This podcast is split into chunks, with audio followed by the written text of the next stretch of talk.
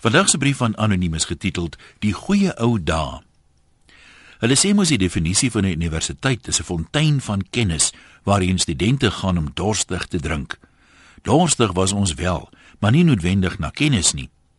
Die naweek het 'n paar van ons wat destyds saam as studente ons ouers se geld gemors het, weer bymekaar gekom. Soos altyd draai die gesprek spoedig na die goeie ou dae van jonk wees. Maar die goed wat ons onthou, is nie die dors na kennis nie. AP het wel filosofie as eerstejaarsvak gehad. Hy onthou uit die eerste lesing, toe almal nog alles afgeskryf het wat die dosent sê, dat die woord filosofie uit twee dele bestaan. In die Grieks beteken philo om lief te hê en sophia is kennis. So as filosowe dus per definisie lief is vir kennis, verstaan AP vandag hoekom hy nie in sy tweede jaar met filosofie aangegaan het nie. Keppies onthou weer sy eerste kar en die belovende tyd wat hy met sy eerste ronde op die rally roete in die straat om die koshuis opgestel het. Met sy tweede ronde het die ryding op 'n skerp draai egter skielik oormatige stuurtraagheid ontwikkel en 'n bakkie in die regterbaan skrams getref.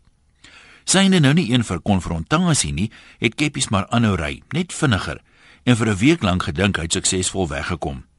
Tot sy pa bel en sê hy het 'n ontstellende oproep van die polisie gehad oor 'n dossier van roekeloos nalatige bestuur en versuim om stil te hou na 'n botsing.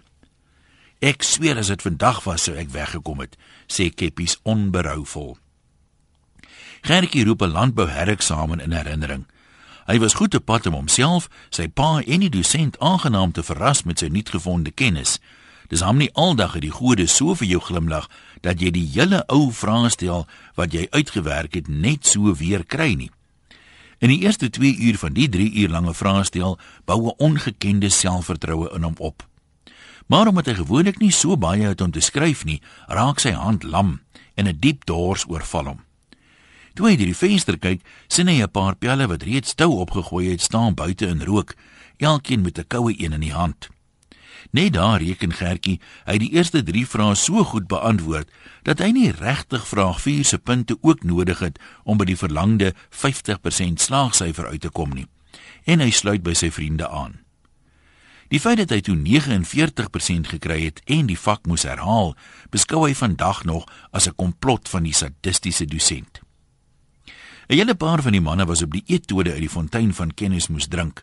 Die gevolg was eksamens wat op martelings uitgeloop het, veral mondelinge eksamens.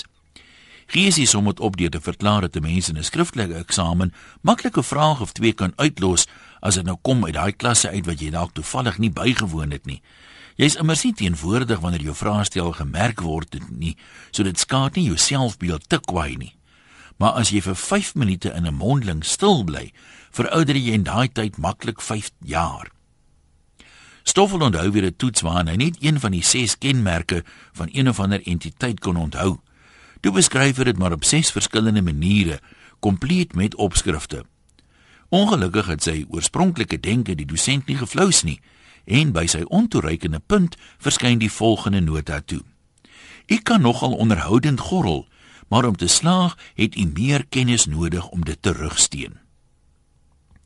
Laat aan toe die wysheid en die wyn ons insig so verskerp het dat ons begin filosofeer, sê iemand, maar ek het nou vergeet wie dit was.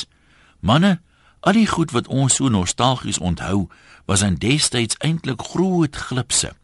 Het niks aan reg geloop in die goeie ou dae nie, of hoekom noem ons dit so? Ja nee, uit 'n ander filosoof, onverganklike wysheid. Môre oor môre praat ons weer van vandag as die goeie ou dae. Laat mens drink, né? Groete van oor tot oor. Anoniem.